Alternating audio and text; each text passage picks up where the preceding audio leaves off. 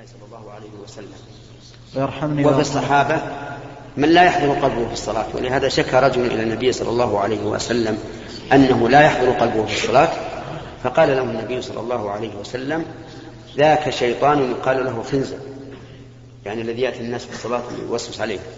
فإذا أحسست به فتول عن يسارك ثلاث مرات واستعذ بالله منه. قال ففعلت فأذهبه الله عنه. يعني لو قال قائل الرسول عليه الصلاة والسلام خلفه صحابة لا تغيب قلوبهم. وأنا خلفي أناس مشغولون بالدنيا. تغيب قلوبهم. فأقول لهم أحضروا قلوبكم لهذا السبب. نقول له أولا أنت لم لم تفتش عن قلوبهم. ثانيا إن الصحابة رضي الله عنهم فيهم من يغيب ويشتغل قلبه مع ذلك ما كان الرسول يقول أحضروا قلوبكم. وكذلك أيضا قوله صلوا صلاة مودع هذه أيضا من التنطع في دين الله. ولم ترد عن النبي عليه الصلاة والسلام. نعم. يرحمني ويرحمكم الله. وكذلك يرحمني ويرحمكم الله أيضا لم ترد. وسد الفرج. صحيح. سد الفرج صحيح. وأقيموا صفوفكم. إن الله لا ينظر إلى الصف أقيموا صفوفكم صحيح. إن الله لا ينظر إلى الصف إن الله لا ينظر إلى الصف الأعوج هذا غير صحيح. لا تدع فرجات للشيطان. هذا صحيح. جزاك الله خير يا شيخ. نعم. شيخ بارك الله فيك. إنسان دخل يصلي صلاة العصر فوجد الجماعة قد انتهوا من الصلاة. نعم. فخرج من المسجد وذهب إلى البيت. ثم جاء ولم يصلي. ثم إيش؟ ثم لم يصلي صلاة العصر. نسي. نسي نعم. نعم. فصلى المغرب والعشاء. دخل في صلاة العشاء. قبل أن يدخل لصلاة العشاء تذكر أنه لم يصلي صلاة العصر. ودخل مع الإمام بنية العصر. فلما كبر تذكر أنه قد صلى صلاة العصر مع جماعة قد فاتهم الصلاة. فما حكم ذلك؟ حكم ذلك أنه إذا ذكر أنه قد صلى صلاة العصر يقطع الصلاة ويدخل من جديد بنية العشاء. هذه هذا الجواب. فضيلة الشيخ إذا لبست جوربا على جورب فهل يشترط للأخير الطهارة؟ نعم. نعم.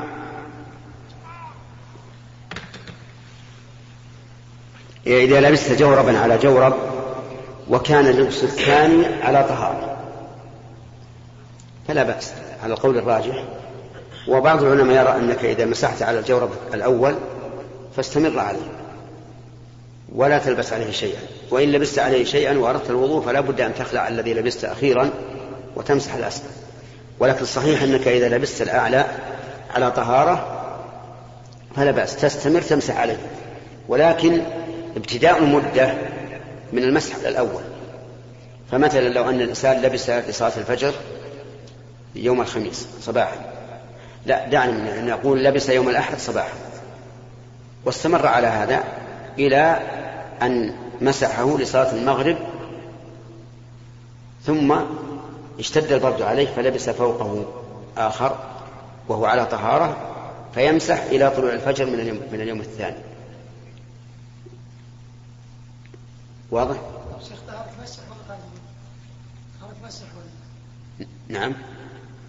ممسوح عليه مسح سبق مسح هو سيلبس جوربا آخر. نعم بس اللي قبل مسح عليه اي لا بأس. هذا هو اللي هذا قلنا. قلنا هذا هو القول الراجح. بعض العلماء يقول لا إذا مسحت على الأول استمر. والصحيح أنه يجوز أن تلبس الثاني إذا كنت على طهارة لكن ابتداء مدته من مسح على الأول. نعم. عفى الله عنك يا شيخ.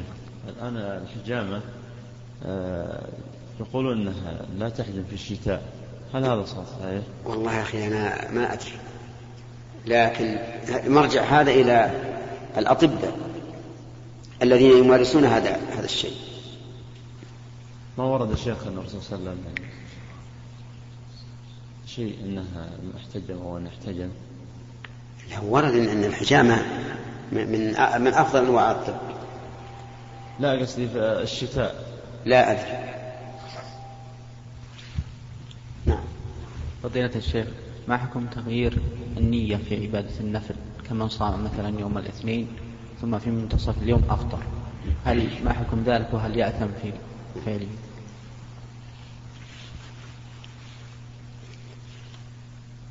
نعم.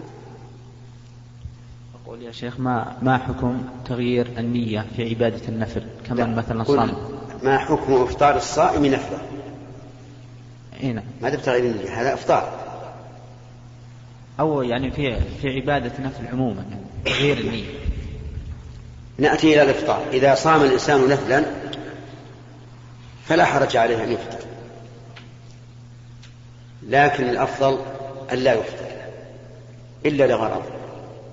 إما رأى من نفسه التعب أو أتاه ضيوف لا تطيب نفوسهم إلا إذا أكل معهم أو ما أشبه ذلك. وإلا فليستمر. وأما وكذلك أيضا بقية النوافل كما لو شرع في الصلاة صلاة النفل وحضر ضيوف وهو في أثناء الصلاة فليقطعها ولا بأس. ويستثنى من هذا الحج والعمرة. فإن الحج والعمرة إذا شرع فيهما الإنسان ولو كانت ولو كان نفلا وجب عليه إتمامهما. لقول الله تبارك وتعالى وأتموا الحج والعمرة لله. وهذه الآية نزلت في الحديبية قبل أن يفرض الحج. فدل هذا على أنه لا بد من إتمام الحج والعمرة. إذا القاعدة الآن أن كل من شرع في نفل جاز له إيش؟ أن يقطعه لكن الأفضل أن لا يقطعه إلا لعذر. إلا الحج والعمرة فإنه يجب عليه إتمامهما. نعم. أصلا عندك يا شيخ. الآن لبس الجورب عدم الغسل يعني ما يريد أن يغسل رجله. إيش؟ يريد أن يلبس الجورب من أجل لا يغسل قدميه. نعم. ما هو من أجل مثلا البرد؟ يعني أنه لبس الجورب ليمسح فقط. ليمسح أي نعم. أي نعم.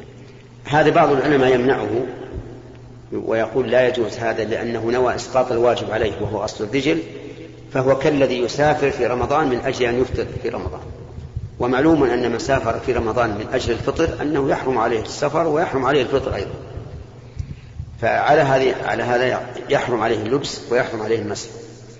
وبعض العلماء يقول لا بأس أن يلبس ليمسح لأن أصل لبس الخفين من أجل من أجل المسح عليه سواء كان الحامل على ذلك شدة البرد أو شدة الحر أو أثر في الرجل أو غير ذلك. المهم أن أصل لبس الخفين من أجل أو الجوارب من أجل من أجل المسح وليس أصل السفر من أجل الفطر فبينهما فرق ولا يصح قياس أحدهما على الآخر وهذا القول هو الراجح أن الإنسان لو لبس من أجل أن يمسح فلا بأس لكننا لا نحبذ له هذا لأن غسل الرجل إذا كانت مكشوفة أفضل من المسح عليها. اللي هو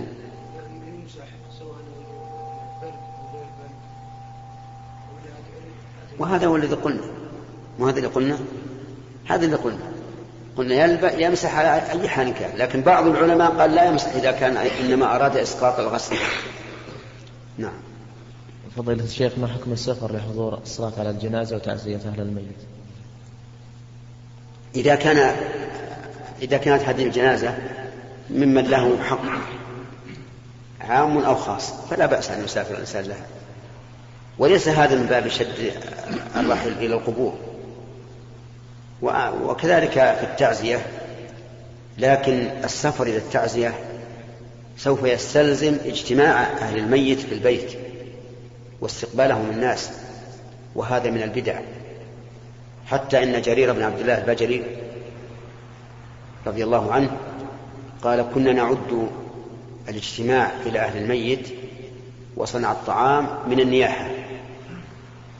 والناس الآن في بعض المناطق يفعلون أعظم من هذا. يجتمعون ويصفون الكراسي ويضيئون الأنوار وإذا مررت ببيتهم كأنما مررت في بيت عرس. وهذا لا شك أنه من البدع. والميت لا ينتفع بذلك. وهم لا ينتفعون أيضا لأنهم يزدادون بذلك إضاعة للوقت وإضاعة للمال ومخالفة لهدي السلف. فلهذا نحن ننصح إخواننا المسلمين أن أن أن نقول لهم دعوا هذه العادة فإن شيئا لم يفعله السلف لا خير فيه. نعم.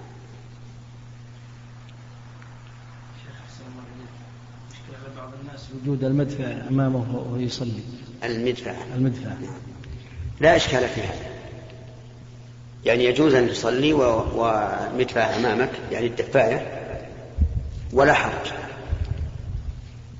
وأما ما, ما كرهه بعض العلماء رحمهم الله من استقبال النار فهو ليس ليس فيه حديث عن الرسول عليه الصلاة والسلام لكنهم عللوا ذلك بأن هذا يكون مشابهة للمجوس الذين يعبدون النار. والمجوس الذين يعبدون النار لا يعبدون مثل هذا إنما يعبدون نارا يوقدونها ويكون لها لهب ومعظمة. وكما أننا نصلي الآن وفي في الجدار القبلي فيه لمبات من الكهرب. واللمبات من الكهرب أقرب إلى النار التي يعبدها المجوس. لأن اللمبات من الكهرب الأصفر هذا المدورة تشبه النار الموقدة. ومع ذلك لم تكن محل إشكال. ثم إن هذه المدفآت أو الدفايات لا تكون أمام أمام الإمام. تكون أمام المأمومين ويفرق بين ما يكون أمام الإمام وأمام المأمومين. ولهذا لو مرت امرأة من بين أيدي المصلين لم تقطع الصلاة ولو مرت من بين يدي الإمام قطعت صلاة الإمام وصلاة من وراءه نعم تبطلها فضيلة الشيخ أحسن الله إليكم. ما حكم إقامة دروس القرآن والدروس العلمية فجر يوم الجمعة؟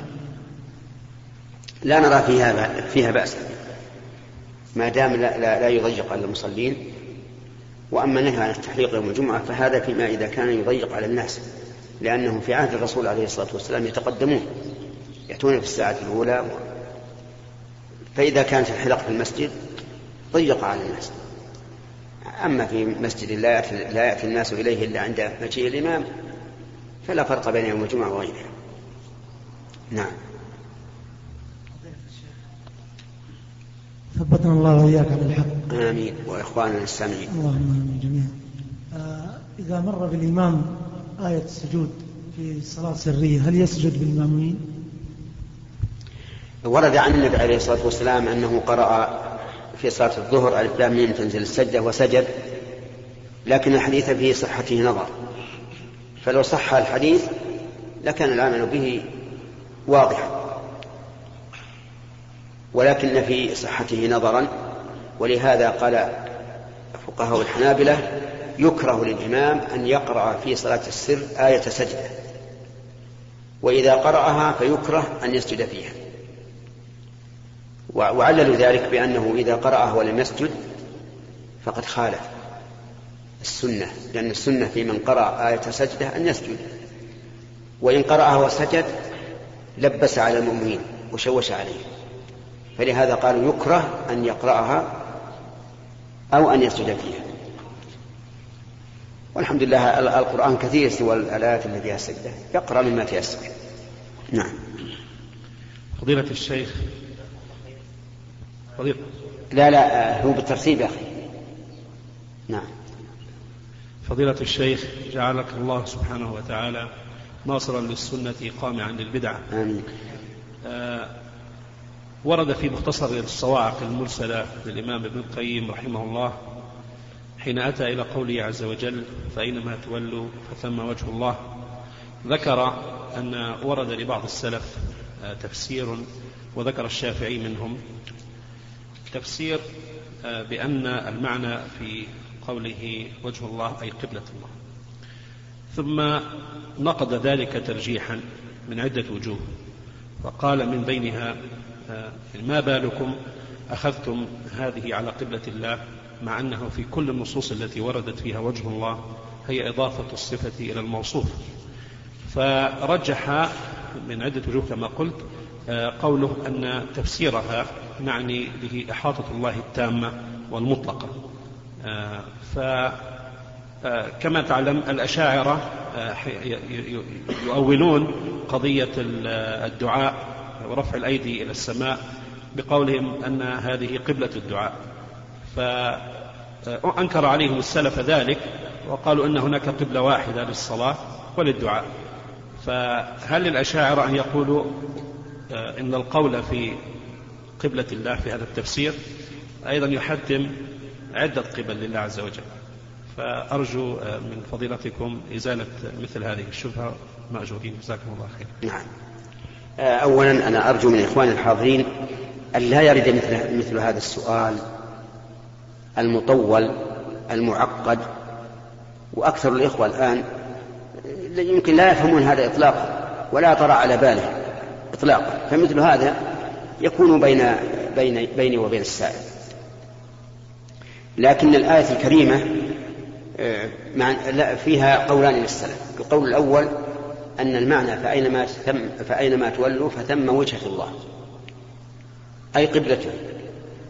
بمعنى أنك إذا أشكل عليك القبلة ثم صليت وأنت في البر صليت إلى جهة ظننتها القبلة ثم تبين أنها ليست القبلة فصلاتك صحيحة.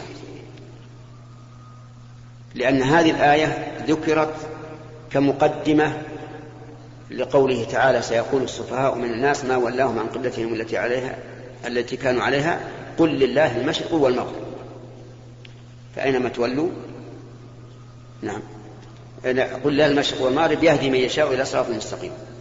فهذه الآية كقوله في ولله المشرق والمغرب فأينما تولوا فثم وجه الله. يعني إن اتجهتم للكعبة فأنتم مولون, مولون وجه الله وإن اتجهتم إلى بيت المقدس كما انتقدكم اليهود فأنتم مولون إلى وجه الله. ولله المشرق والمغرب يهدي من يشاء إلى صراط مستقيم. وهذا قول له قوته. والقول الثاني أن ما أينما تولوا فثم وجه الله أي فالله تعالى قبل وجوهكم. ويؤيد هذا القول قول النبي صلى الله عليه وسلم في المصلي إنه لا يتنخع قبل وجهه قال فإن الله قبل وجهه فإن الله قبل وجهه. فالآية محتملة لهذا ولهذا ومعناها صحيح على كلا القولين. أما الأشاعرة وقولهم إن هذا قبلة الدعاء فيقال لهم أنتم هل تدعون السماء ولا تدعون رب السماء؟ فإذا رفعتم أيديكم إلى السماء وقلتم يا الله فإنما تنادون من؟ الله عز وجل. إذا فالله هناك. لستم تقولون يا سماء. وكونهم يقولون إن, إن السماء قبلة الداعي غلط. لأن قبلة الداعي هي الكعبة. فإن العبادة التي يشرع فيها استقبال القبلة إنما يشرع إلى إلى الكعبة.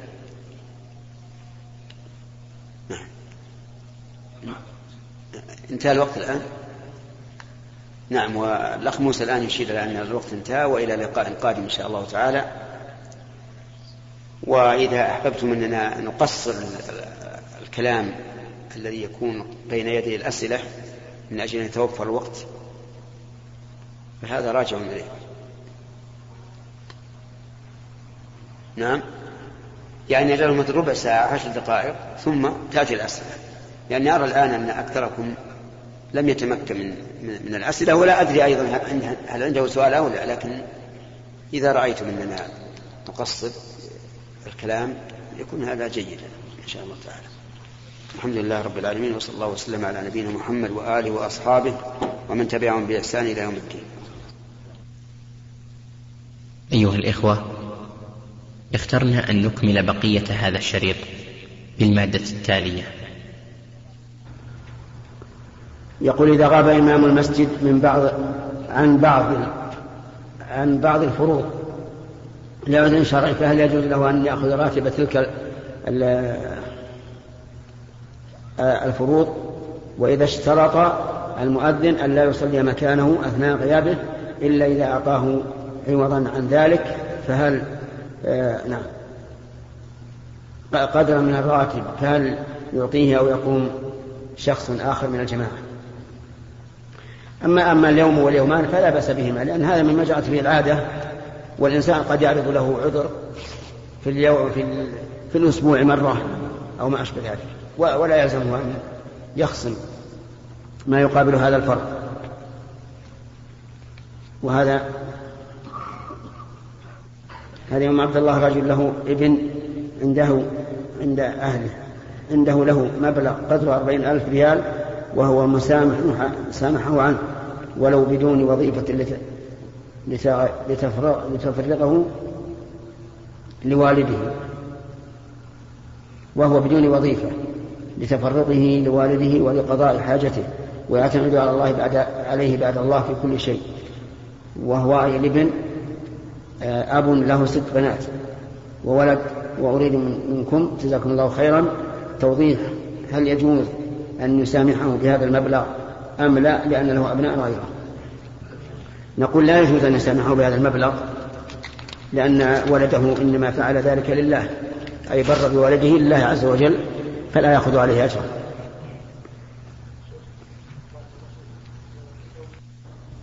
نسمع بعبارة تنسب للشيخ الإسلام تيمية رحمه الله وهي الإذن العرفي يقوم مقام الإذن اللفظي. السؤال ما المراد بذلك؟ هذه منسوبة للشيخ الإسلام وغيره أن الإذن العرفي كالإذن اللفظي مثال ذلك رجل قد أعد نفسه لبيع السلع ولنقل لبيع التمر. وهذا مكانه الذي يبيع فيه التمر. فجئت أنا ووضعت إناء فيه تمر. في هذا المكان الذي يباع فيه التمر. فإذا جاء صاحب المكان هل يبيع هذا التمر أو لا؟ يبيع. إذا قيل كيف يبيع ولم يؤذن له قلنا هذا إذن عرفي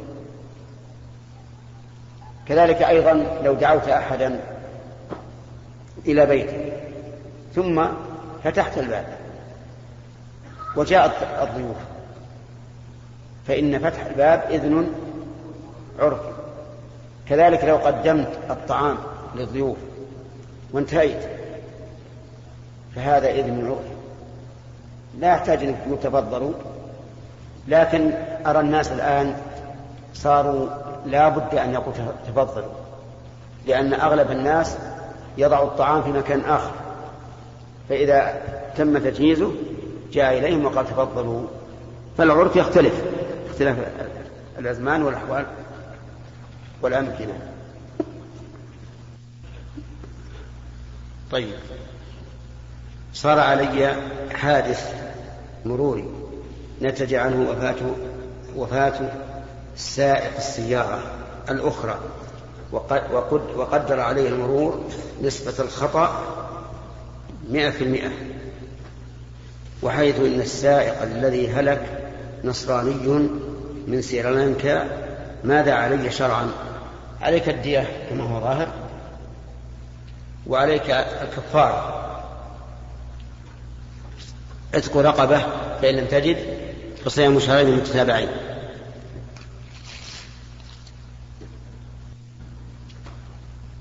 وهذا أم عبد الرحمن تقول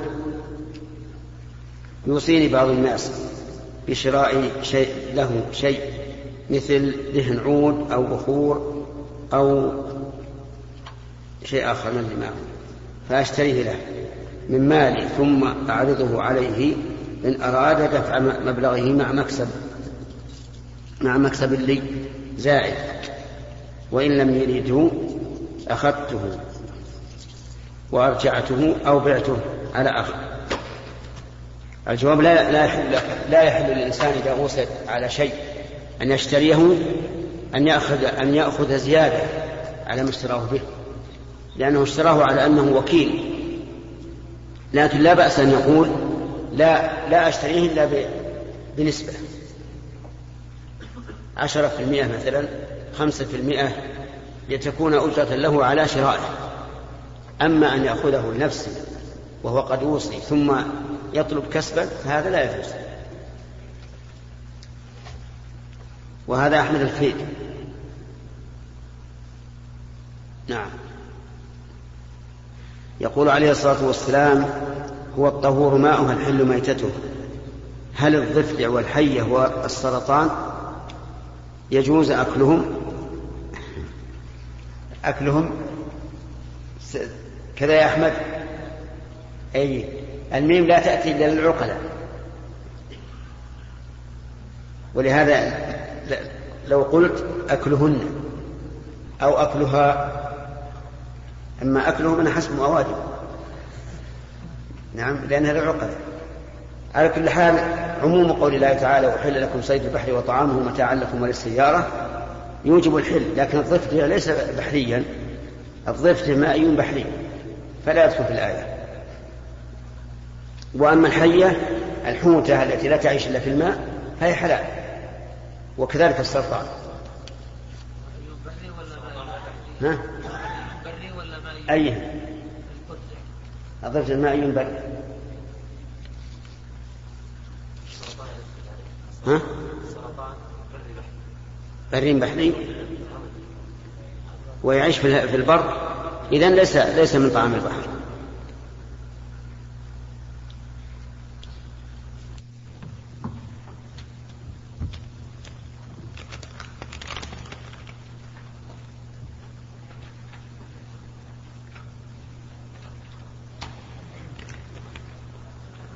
هذه أم عبد الله تقول امرأة عندها ولدين ذهب إلى الحرم قبل حوالي أربع سنوات ولقي محفظة فيها تسعة عشر تسعمائة وعشرة ريالات. استعملت الأم هذه النقود والآن تريد أن تردها فكيف تعمل؟ آه، يجب عليها أن نعم الجواب يجب عليها أن تتوب إلى الله عز وجل وأن تتصدق بهذه التسعمائة والعشرة في مكة.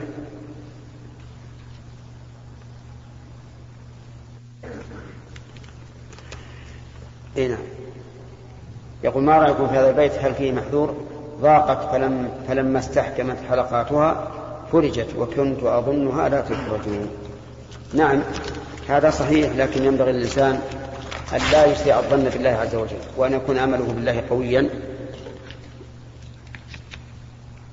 إي نعم. ها؟ في محذور لأن كثير من الناس يظن ما تفرج لكن لا ينبغي هذا لأنه قد يتضمن سوء الظن بالله. والرسول صلى الله عليه وسلم يقول اعلم أن النصر مع الصبر وأن الفرج مع الكرب وأن مع العسر يسرا. يقول بنت أم فهد يقول لقد ظهر لقد إذا طهرت المرأة من الحيض قبل الفجر ولم تغتسل منه فلم تصلي صلاة الفجر والظهر والعصر فاغتسلت بعد العصر فماذا عليها؟ فماذا عليها؟ الجواب أن هذا حرام عليها ولا يحل لها إذا طهرت أن تؤخر الصلاة عن وقتها. والواجب على المرأة إذا طهرت وتأكدت الطهارة أن تغتسل وتصلي الصلاة في وقتها. نعم لو شكت في الطهارة فالأصل بقاء الحيض. فلا تغتسل ولا تصلي حتى تيقن. والآن آه، يجب عليها أن تقضي صلاة الفجر والظهر والعصر لأنها فوتتها متأولة. أيها الإخوة في ختام هذه المادة نسأل الله أن نلقاكم في لقاءات متجددة.